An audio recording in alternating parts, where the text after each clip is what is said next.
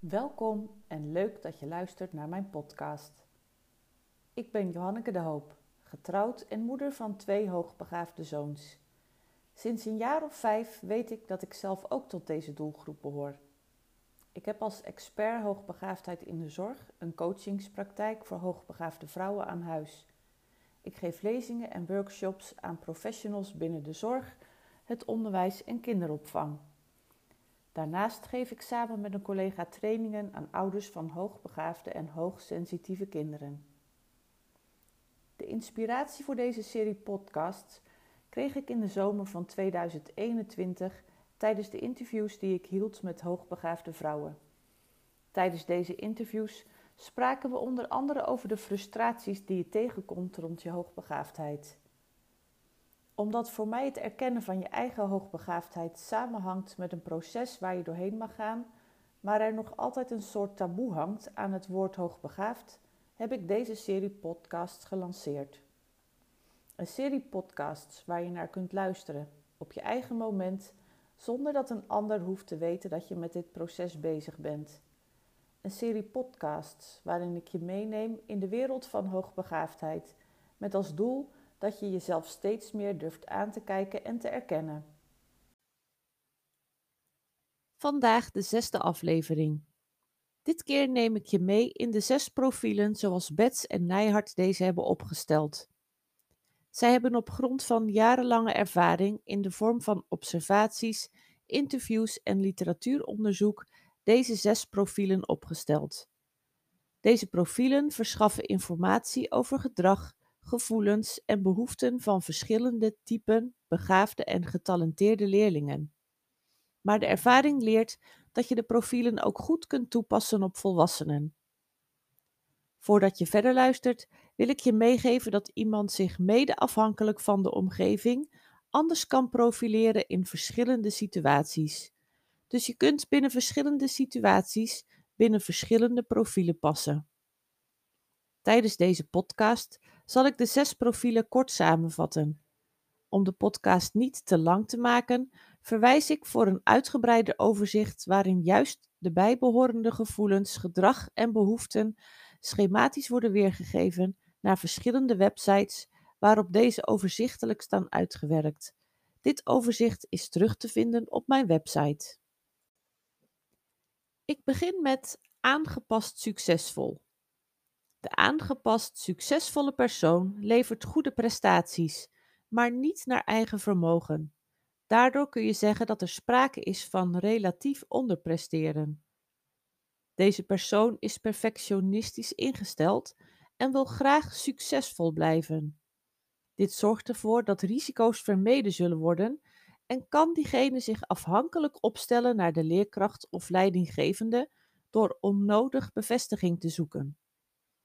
Deze persoon is gericht op het voldoen aan de verwachtingen van anderen.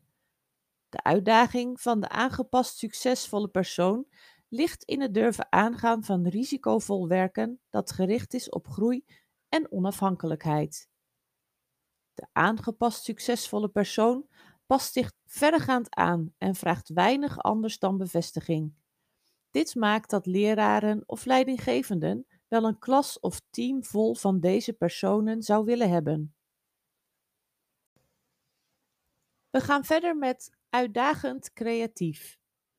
De uitdagend creatieve persoon is creatief en heeft bijzondere oplossingen. Deze persoon neemt scherp waar en ziet uitzonderingen. Ja, ook op de regels. Deze persoon neemt niet zomaar iets aan van de leerkracht of leidinggevende, en staat kritisch tegenover beweringen. Daarnaast is deze persoon eerlijk en direct. In zijn werkwijze en gedrag kan hij inconsistent zijn, waardoor, waardoor hij wisselende resultaten behaalt. Deze persoon kan grote stemmingswisselingen laten zien en is competitief ingesteld.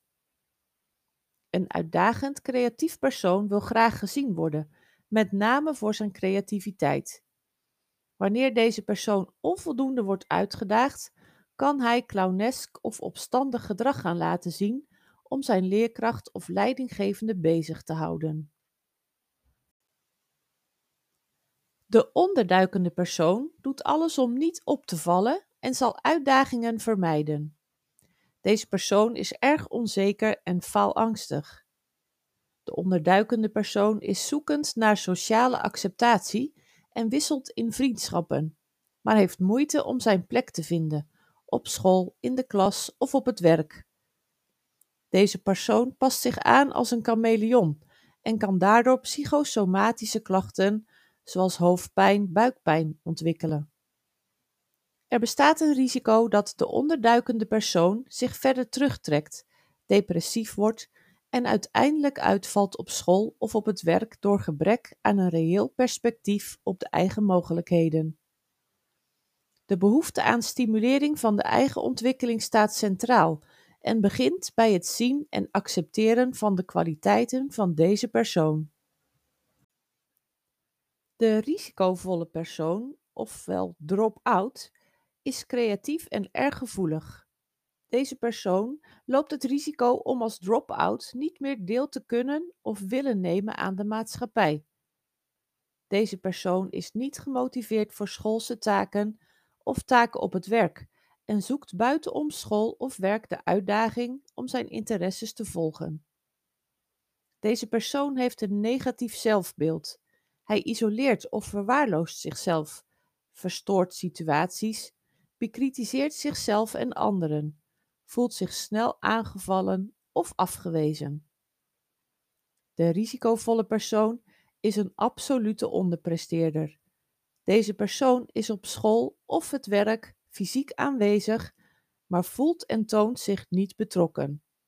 Er is een risico dat deze persoon uiteindelijk uitvalt op school of de arbeidsmarkt. De dubbel bijzondere persoon laat naast kenmerken van begaafdheid ook kenmerken van leer- en of gedragsproblemen zien. Wanneer de gesignaleerde problemen op de voorgrond staan, zullen de begaafdheidskenmerken vaak onvoldoende herkend worden. Andersom kunnen leerproblemen door de begaafdheid juist lang gecompenseerd en verbloemd worden. Deze persoon werkt inconsistent, presteert gemiddeld of minder, verstoort en is vaak chaotisch. Er is grote kans op een onjuiste labeling, waardoor deze persoon inadequaat wordt ondersteund. Door de dubbele bijzonderheid voelt deze persoon zich vaak dom en onbegrepen. Als laatste profiel beschrijf ik de zelfsturend autonome persoon. Deze persoon weet wat hij kan en laat dit ook zien, heeft een goed zelfinzicht en goede sociale vaardigheden. Deze persoon werkt zelfstandig, is ondernemend, komt op voor eigen opvattingen en is bereid tot het nemen van risico's. Deze persoon is in balans met zichzelf en zijn omgeving. Ook een zelfsturend autonoom persoon heeft behoefte aan stimulans en feedback. De focus mag hierbij vooral liggen op het zoveel mogelijk faciliteren van mogelijkheden tot onbegrensd ontwikkelen. In welke profielen herken jij jezelf? Of je naaste collega, je partner of kind?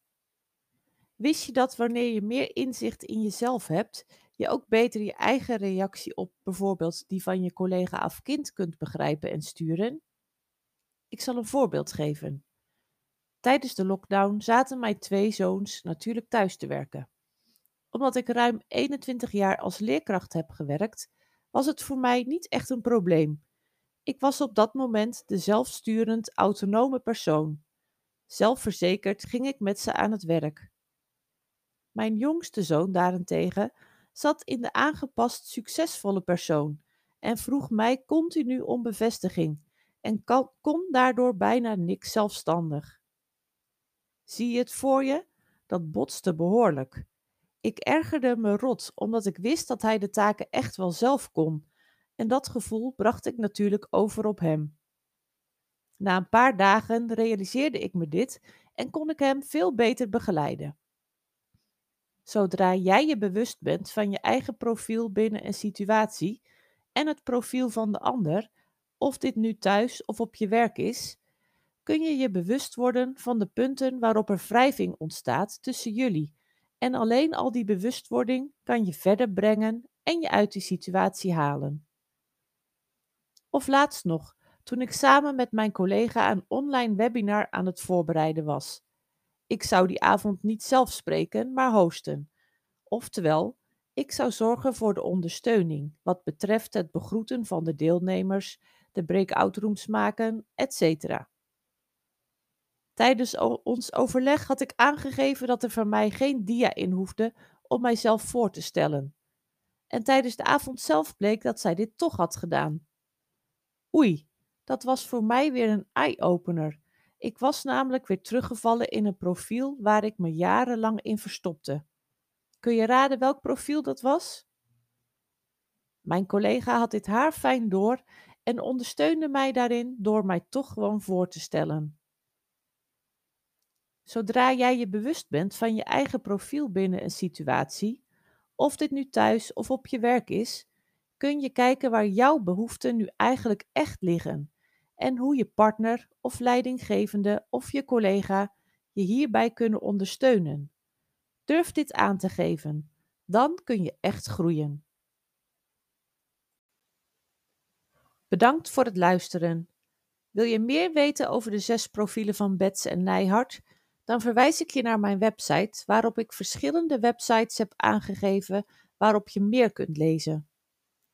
Ben je benieuwd naar mijn aanbod? Ga dan naar mijn website www.opstap-coaching.nl of bezoek mijn Facebookpagina op Stapcoaching Middelburg. Heb je suggesties voor een nieuwe aflevering of wil je een review geven?